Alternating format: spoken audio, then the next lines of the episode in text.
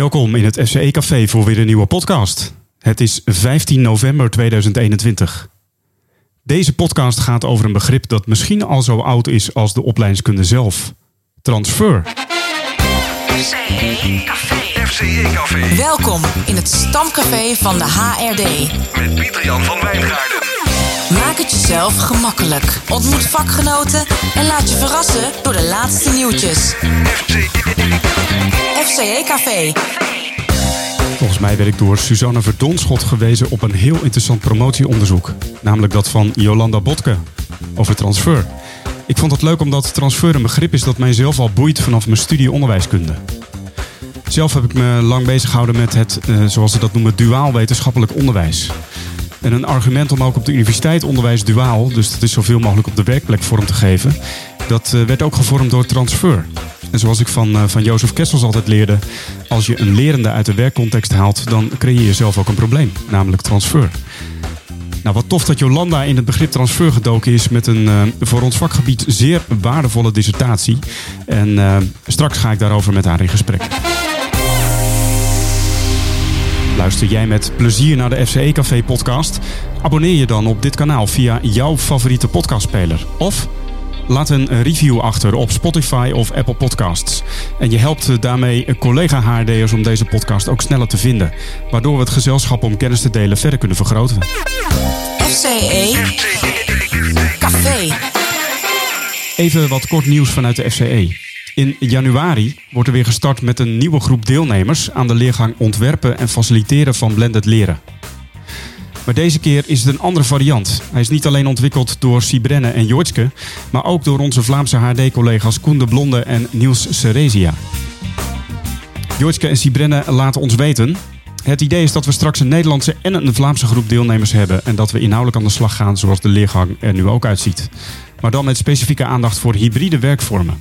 En eh, nou, Joitske en Sibrenne schrijven dat, het, dat ze er erg uitkijken om eh, aan de slag te gaan. Meer informatie eh, vind je via nuonline.com of ook via de site van de FCE, corporate-education.com. Happy. Kom maar. Goed zo. Ja. Je hoorde een kort fragment uit de podcast die Dirk van der Pol en Theo Visser maakten over progressie. En die is voor het FCE Café, dat vrijdag 26 november aanstaande plaatsvindt. Wil je luisteren naar de- deze podcast en ben je benieuwd hoe progressie bijdraagt aan blijvende verandering in organisaties? Schrijf je dan in voor het festival dat geheel online plaatsvindt op vrijdag 26 november 2021. De kosten zijn 70 euro per persoon. Maar als je de kortingscode FCE Festival 2021, als je die gebruikt, ontvang je 20 euro korting. En betaal je dus maar 50 euro. En dat is inclusief een rijke reader met inhoudelijke artikelen en tools over hoe je bouwt aan blijvende verandering. Kijk op onze website www.corporate-education.com en schrijf je snel in. FCE Café. Met Pieter-Jan Pieter-Jan. van. Welkom eh, in het FCE-café Jolanda Botke. Onderzoeker en eh, docent bij de Universiteit van Tilburg en bij de Vrije Universiteit. En ook ben je consultant eh, bij Pelikaan Advies. Jolanda, jij schreef, ja, al zeg ik het zelf, een heel waardevolle dissertatie over transfer. En met ook een uitgebreide literatuurstudie, waar ik in ieder geval ook een hoop literatuur zag, waar ik als student onderwijskunde, eh, nou of ik ben het weer vergeten, of ik heb ze gewoon echt niet, eh, ben ze niet op het spoor gekomen. Dus veel nieuwe bronnen in ieder geval. En ook een aantal praktijkcases bij de politie. En eh, het mooie is dat het uitmondt in een heel herkenbaar en bruikbaar drie-stappen model. Maar daar gaan we het misschien vast nog wel over hebben. Maar om te beginnen, ik ben wel even benieuwd, waar ontstond bij jou de interesse over transfer? Ja, Pieter-Jan, dankjewel voor je complimenten. En ehm, nou ja, ik ben net als jij opgeleid als onderwijskundige oorspronkelijk. Ehm, en ehm, nou, daar leer je hoe je het leren moet ontwerpen. Dus daar leer je heel mooi leren ontwerpen. Dus dat heb ik in de eerste deel van mijn loopbaan ook gedaan. En toen rond de eeuwwisseling, toen kwam ik in contact met Human Performance Technology. Dat was toen heel hip. Ehm, eh, en ik denk nu nog steeds wel, maar onder andere titels. Maar toen heette dat Human Performance Technology, performancegericht opleiden. En daar ging het over, niet het leren moest centraal staan, maar het resultaat van het leren in termen van eh, performance of prestatie. Nou, super interessant en een super interessante insteek. Uh, en aansluitend kreeg ik ook contact met Jack en Patty Phillips, um, die natuurlijk zich bezighouden met rendement van leren. Mhm. Ehm, dus dat, had wel, dat trok wel mijn belangstelling. Ja. En daar heb ik ook een poosje mee bezig gehouden. Ehm, nou, in die tijd werkte ik ook eh, voor het trainingsbureau eventjes. En ehm, toen zag ik ook dat een goede training niet altijd een garantie is voor succes. Dus je kunt een steengoede training hebben die geen succes heeft. Dus dat, nou, hoe komt dat nou? Dus aan de ene kant het, het resultaatstuk van wat levert leren nou op, maar aan de andere kant ook ehm, hoe komt dat resultaat tot stand? Nou, en voor mij is transfer en het concept transfer, komt daar die leergerichte benadering en die prestatiegerichte benadering, ja, die komen daarin samen. Dus de prestatiegerichte benadering, wat levert het leren op, hoe je dat dan ook wilt meten, en die leergerichte benadering, ja, wat gebeurt er dan eigenlijk in dat transferproces? En wat kun je dan doen om dat transferproces te optimaliseren? Want dat vond ik soms wel eh, bij de, in de rendementsbenadering en in de performancegerichte benadering lag de focus wel heel erg op, op het eindresultaat. En Ja. in mijn beleving ging het wat af van het leren zelf. Dus Ja. ik heb in transfer komen die twee voor mij samen. Ja, dus je hebt eigenlijk geprobeerd om die HPT en dat rendementsdenken ergens te combineren. En ik vind het ook mooi om te horen dat dat eigenlijk, eh, dus dat er een soort conceptuele aanleiding voor jou is, een theoretische aanleiding, maar ook een duidelijke praktijkervaring in je rol als trainer. Dat je dacht van, goh, dit is eigenlijk een hele mooie training, maar wat is nou het rendement ervan? Ja, en je ziet dan ook dat, eh, dat ehm, organisaties trainingsbureaus verantwoordelijk maken voor het succes van een, eh, van een training. Of trainingsbureaus claimen dat hun training per definitie succesvol is. Nou, dat vind ik wel een spannende. Ja, beide schieten door wat jou betreft. Ja, Ja. dat denk ik in mijn beleving Ja. wel. Ik denk dat, dat de een niet zonder de ander kan. Ja. En ehm, in je toelichtingen omschrijf je ook dat je dus ook wel echt niet alleen op zoek was naar onderzoek naar transfer, maar als ik het goed begrijp, wilde je ook een soort van handvaten voor jezelf creëren om daar invloed op te hebben. Klopt dat? Of? Ja, dus ehm, en dat kwam weer naar aanleiding van die, nou ja, in mijn beleving toch wel wat ehm, sterke nadruk op die prestatiegerichtheid. Ja. Ehm, toen dacht ik, ja, maar transfer, transfer is voor mij een leerproces. En in dat leerproces gebeurt van alles. Dus ben je nou tevreden ehm, als iedereen tevreden is, om wat voor reden dan ook? Ja. Of ehm, ga je kijken naar wat er in dat proces gebeurt en hoe je dat kunt beïnvloeden? Nou, daar zat veel meer mijn belangstelling. En toen ik daarna ging kijken, bleek ook dat, eh, dat, je, dat in die transfer wel degelijk fasen te onderscheiden zijn. Ja. Ehm, en, in die, en, dat de beïnvloeders van transfer per fase, in mijn beleving per fase zijn. Nou, wat zijn dan die fasen? Eh, je moet gemotiveerd zijn eerst. Mensen gaan aan training. Ehm, als ze uit die training komen, eh, moeten ze eerst gemotiveerd zijn om, te, om überhaupt eh, het geleerde in de praktijk toe te passen. Vervolgens gaan ze, moeten ze dat in de praktijk gaan toepassen. En als ze daarmee gaan oefenen met die nieuwe vaardigheden, dan leidt dat, als het goed is, tot, nieuwe tot, tot verbeterde prestatie. Ja. Maar het maakt nogal wat uit waar het in het proces fout gaat. Dus waar de hindernis in het proces zit. Want de beïnvloeders van motivatie voor transfer zijn heel anders dan de beïnvloeders voor het gebruik van de training. En nog weer anders dan de beïnvloeders van individuele prestatie als gevolg van die training. Ja, helder. Je noemt meteen ook die, eh, de, ja, je noemt meteen ook de drie stappen uit het model, hè? de drie fases. Dus motivatie en het toepassen van transfer en uiteindelijk ook eh, de invloed op de prestatie daarvan. En Ja. eh, je schetst in je proefschrift eigenlijk ook allerlei ja, blokkades die kunnen optreden in, het, in die verschillende fases. Ehm, ik ben ook wel benieuwd, Jolanda, wat, wat kun je eigenlijk vooraf al doen? Want als opleidingskundige zijn we vaak ook, aan de, ja, ook mm, ja, met nadruk misschien wel aan de voorkant betrokken van een opleiding of een training. Hè, die, we ontwerpen die of we, we begeleiden het ontwerpproces. En wat, wat, wat, wat kunnen wij vooraf doen om die transfer achteraf al goed te borgen? Heb je daar tips voor? Ja, nou, dat is geen onderdeel geweest van mijn promotieonderzoek. Eh, want ik heb me in, de promo in mijn promotieonderzoek vooral op het, proces, eh, op het proces na de training gericht. Maar daar kan ik natuurlijk wel iets over zeggen. Graag. Ehm, als onderwijskundige kan ik daar wel iets over zeggen. Ehm, nou ja, eigenlijk is er één ding wat, wat, door het, wat, wat steeds terugkomt en wat heel evident lijkt, is zorg dat de bedoeling van de training duidelijk is bij iedereen. Ehm, eh, en dan bedoel ik ehm, ja, bij, de, eh, bij de trainers tijdens de training. Waar stuur je op? Ehm, bij de deelnemers. Je gaat nu wel naar een training communicatie. Maar wat is hiervan eigenlijk de bedoeling? Mhm. En ook bij de leidinggevenden. Eh, realiseer je dat een training een momentopname is en dat het werkelijke leren, of dat het, dat het leren daarna doorgaat. Uh, en dat je daar wel op moet sturen.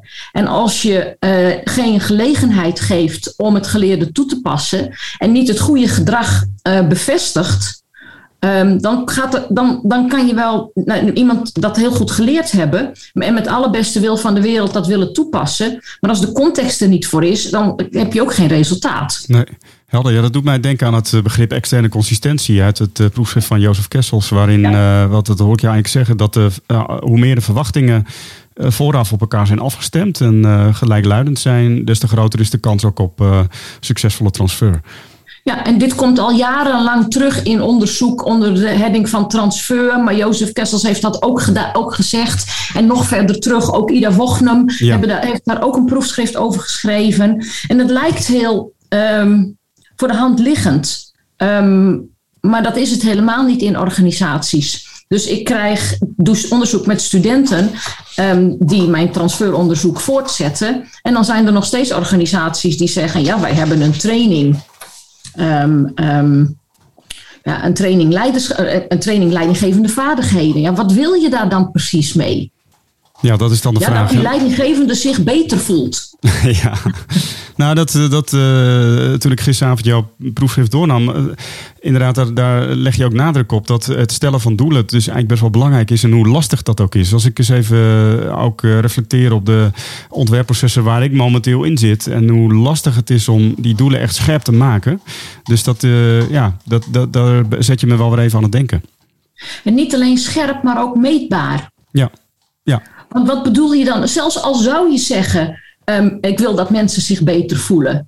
Wil je dan bijvoorbeeld happiness at work meten? Dus hoe, je moet het ook nog, hoe denk je dat dan te gaan meten? Ja. En als mensen dan zeggen, ik ga ze gewoon vragen of ze blijer zijn. Ja, prima, maar dan is dat wel wat het is. Dus dat proces doordenken, dat gebeurt te weinig. Nou, dat is het eerste punt van wat kun je vooraf doen. En het tweede punt, en dan kom ik weer op, op, ons, op mijn, mijn en jouw oorspronkelijke vakgebied. Ja, on, je moet ook wel ontwerpen voor transfer. Um, dus, um, uh, en wat bedoel ik daarmee? Dat mensen, en dat je moet zorgen dat als deelnemer, als, als opleider, als trainer, moet zorgen dat als mensen een training verlaten, dat ze dan op zijn minst een idee moeten hebben waar ze dat, hoe, hoe en waar ze dat in de praktijk moeten toepassen.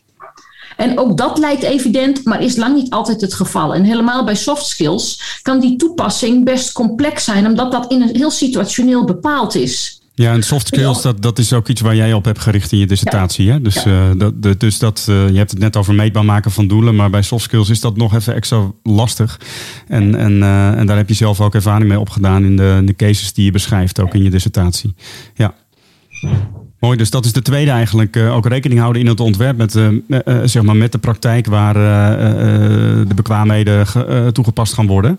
En daar ook op voorsorteren eigenlijk in je ontwerp. Ja, en soms kan dat omdat je weet wat de praktijk is en die kunt inbrengen. En soms zul je dat generieker moeten doen. Dus soms zul je meer, uh, en dat, dan komt het aan op vaardigheden van een trainer, die kunnen uitvragen wat de praktijk is. En deelnemers kunnen helpen aan het eind van die training om dat uh, besef te creëren. Hoe, hoe ga ik hiermee verder en waar ga ik hiermee verder? Helder. En Jolanda, wie is eigenlijk verantwoordelijk wat jou betreft voor een goede transfer? Ja, dat is een interessante vraag. Um, nou, als je in mijn, in mijn proefschrift zeg ik, um, ja, om tot uh, transfer te komen, en dan transfer is voor mij het effectieve gebruik van de vaardigheden, um, moeten mensen de vaardigheden kunnen beheersen. Nou, dat is iets wat je van een trainer mag verwachten, dat iemand dat kan beheersen, uh, dan nog wel in een opleidingssituatie. Um, ze dan komen ze uit die training, dan moeten ze die vaardigheden willen gebruiken, dus ze moeten gemotiveerd zijn om het te gebruiken. Um, ja, dat ligt voor een deel aan de training en wat daar gebeurt. Um, maar dat ligt ook voor een deel aan de werkcontext uh, waar, uh, waar, dat, uh, waar, waar ze moeten gebruiken. Dus um, als je een, iets nieuws hebt geleerd, een nieuwe manier van, di van dingen doen, maar de werkprocessen sturen nog heel erg op oude processen en zelfs belonen misschien wel oude processen, dan ga jij dat nieuwe niet doen. Um, en even een, een heel evident voorbeeld, maar waar ik het goed mee kan uitleggen. Ehm, als jij uh, naar een sales training gaat en je hebt nieuwe sales technieken die bedoeld zijn om nieuwe klantengroepen, onbekende klantengroepen binnen te halen. Um, maar uh, je, je HR-processen sturen nog en je beloningsprocessen sturen nog op heel veel klanten. Uh, dan is het vaak veel makkelijker om bestaande klanten binnen te halen. Dus, de situatie. Dus Um, in zo'n situatie ja, kan je het wel heel goed hebben geleerd, maar ga je het nooit doen. Dus nee. ben je überhaupt al niet gemotiveerd om het te gaan doen. Nee. Nou, die motivatie kan ook nog aan de trainee liggen of aan de, aan de, aan de deelnemer zelf. Ja. Dus kunnen, willen en vervolgens moet je ze ook nog um, ergens kunnen toepassen. Dus als jij naar een cursus Frans gaat uh, en je leert bij de nonnen in Vught heel mooi Frans. Nou, een goede, uitstekend bureau gaat vast prima. Dus na een week spreek je vloeiend Frans. Uh, en ben je ook hartstikke enthousiast om dat toe te passen, want daar hebben ze, die zijn wel zo, die zijn heel praktijkgericht ontworpen, die trainingen. Maar als jij vervolgens um, in jouw werk maar heel sporadisch Frans spreekt, ja, dan gaat dat niet, niet lukken. Met, uh, en dan is nog maar de vraag, waartoe moest je eigenlijk naar die Franse cursus? Ging dat om Franse klanten binnen te halen of om te socialiseren met Franse collega's? Dus je moet ook de mogelijkheid hebben om die vaardigheden toe te passen. Ja, helder. Dus je legt eigenlijk de nadruk op context, zou je kunnen zeggen. Ja, nou ja, en bij dat laatste is natuurlijk de organisatie gewoon aan zet. Ja. Ja, en, uh, dus het, uh, en, en ook misschien wij als opleidingskundigen dat we ook rekening houden met het moment dat we ons bezighouden met een bepaalde training. Dat we niet met oogkleppen opkijken, maar dat we ook goed kijken naar wat er omheen gebeurt in organisatieverandering, in structuren, in manieren van leiding geven. Wordt deze medewerker, deze deelnemer ook gesteund om straks ook het, het geleerde toe te passen in de praktijk? Ja. En dan zijn er wel een aantal, um, um, een aantal hulpmiddelen die je kunt gebruiken. Dus, uh, en dan zit je, dus, dus ik zeg dat mogelijkheden hebben uh, ligt heel erg aan de organisatie. Maar je kunt deelnemers ook vanuit de training wel proberen om wat te immuniseren voor die uh, transfereffecten. Yeah. Dus voor moeilijk, voor, voor transferbarrières eigenlijk. Ja. Dus je, je kunt bijvoorbeeld ze leren om doelen te stellen. Uh, dat helpt hun om, hen om focus te houden op de doelen. Maar je kunt ook al in de training bespreken van goh, waar zie je uh, belemmeringen als het gaat over, uh, over deze vaardigheden in de praktijk brengen. Ja. En dan al in de training helpen om ze die belemmeringen um, te bespreken. En ook te kijken of je hun al op weg kunt helpen om die belemmeringen zelf weg te nemen. Want je kunt natuurlijk zeggen, een organisatie biedt geen mogelijkheden. Maar je kunt ook zeggen, oké, okay, dan kan je een deelnemer helpen om actief naar mogelijkheden te zoeken en die voor hem of haarzelf te creëren. Ja, dus je kunt eigenlijk in de training ook aandacht hebben voor uh, leervermogen en regie nemen ja. op leren van de deelnemer. Ja. Jolande, ik vroeg aan een aantal FCE'ers waar zij nieuwsgierig naar zijn met het oog op uh, jouw proefschrift. En uh, Joke van Alten die stuurde mij de volgende vraag. Namelijk, hoe zorg je ervoor dat transfer eigenlijk niet nodig is? Ja, dat zei ik al. Dat vind ik de meest um, interessante vraag die erbij zat. Um, want toen dacht ik, hoe kan iemand dat nou vragen? um, want ik zou het nooit zo zeggen, maar dat geeft gelijk aan hoe diffuus het concept transfer is. En daar begon natuurlijk mijn onderzoek mee. Toen ik begon met transfer te bestuderen, uh, toen verbaasde het mij dat iedereen, iedereen, voor iedereen is transfer iets anders. Dus voor sommigen is het het proces, voor sommigen is het het resultaat, voor sommigen gaat het over um, het gebruik van vaardigheden, voor sommigen gaat het over prestatie, het gaat over korte termijn, lange termijn. Nou, de, um, en um, ik denk dat Joke um, bedoelt hoe zorg je nou dat er geen transferbarrières zijn. Dus zo heb ik eventjes haar vraag vertaald. Ja. Um, want voor mij, ik zou nooit zeggen transfer is niet nodig, want transfer is voor mij leren, is een leerproces. Is, is altijd nodig wat jou betreft is informeel leren wat volgt op formeel leren. Ja. En dan zou je zeggen, ja, je, hoeft niet, je hoeft nooit meer iets te leren. Nou, dat is niet reëel. Dus hoe, maar hoe zorg je dan dat er geen barrières zijn? Dus hoe zorg je nou dat dat zo, um, zo soepel mogelijk verloopt na een training? Nou ja, dan kom ik weer terug op die, uh, uh, op die eerder genoemde dingen. Dus uh, de training moet goed zijn, want ze moeten het kunnen. Dus check ook of mensen het überhaupt kunnen. Um, en natuurlijk hebben wij in regulier onderwijs daar examens voor. Um, maar dat kun je ook in, in uh, minder formele situaties kun je dat ook checken. Check ook of die motivatie om dat überhaupt te gaan doen er wel is. Als die er niet is, uh, wordt het lastig. En zorg dan dat die mensen in de gelegenheid zijn. En die derde stap, als ze dat dan gaan doen, zorg dan ook dat het, ehm, dat het juiste gedrag wordt beloond. En dan kom ik ook weer terug op die, op die drie stappen in mijn model. Dus in de training moet je, is het belangrijk dat ze de vaardigheden hebben. En vervolgens gaat het over, je moet gemotiveerd zijn om het te doen. En je moet het gaan doen en daarvoor moet je in de gelegenheid zijn om het te gaan doen. En vervolgens als je het dan gaat doen, en dan is, dat, en dan, is het effectieve gebruik van die vaardigheden moet leiden tot, als het goed is, leiden tot prestatieverbetering. Maar daar moet je wel op sturen. En daar moet ook de context uh, voor, in orde voor zijn. Ja, mooi. Dus, het, uh, dus je, je, je, merkt al eigenlijk hoe jij ook over jouw model praat. Hè? Dat is echt een soort uh, leidraad, een soort kapstok bij wijze van spreken. Waarmee je ook, of misschien wel schrijven van een mengpaneel. Waar je steeds ook naar kunt kijken en even kunt voor jezelf kunt bepalen waar kan ik uh, zeg maar invloed op uitoefenen om ervoor te zorgen dat die transferbarrières zo, zo klein mogelijk zijn. Um, als ik nog even terugkom op de vraag, jij zei zelf ook van, ja, is het de overgang van formeel naar informeel leren? Je zou natuurlijk ook kunnen zeggen, als je het formele leren minimaliseert, is het dus ook minder transfer nodig. Of zie ik dat verkeerd? Ja, ik heb dat niet bestudeerd. Um, uh, maar ik weet wel dat er ook transferstudies zijn over informeel leren. Oh, interessant. Ja. Um, en natuurlijk zijn er um, vakgenoten die inderdaad zeggen: je moet maar helemaal niet meer formeel leren. Je moet maar alleen maar uh, informeel leren. En daar ben ik het niet mee eens. uh, dus ten, ten, eerste kan informeel leren ook wel degelijk transferproblematiek hebben. Dus het is niet zo dat als je niet meer formeel leert en alleen maar informeel, dat je dan van transfer af bent. Oké, okay, dus dat, en dat uh, blijkt ook uit onderzoek? Of daar, uh, dat, of dat... dat, ja, dat blijkt ja. ook uit onderzoek. Ja.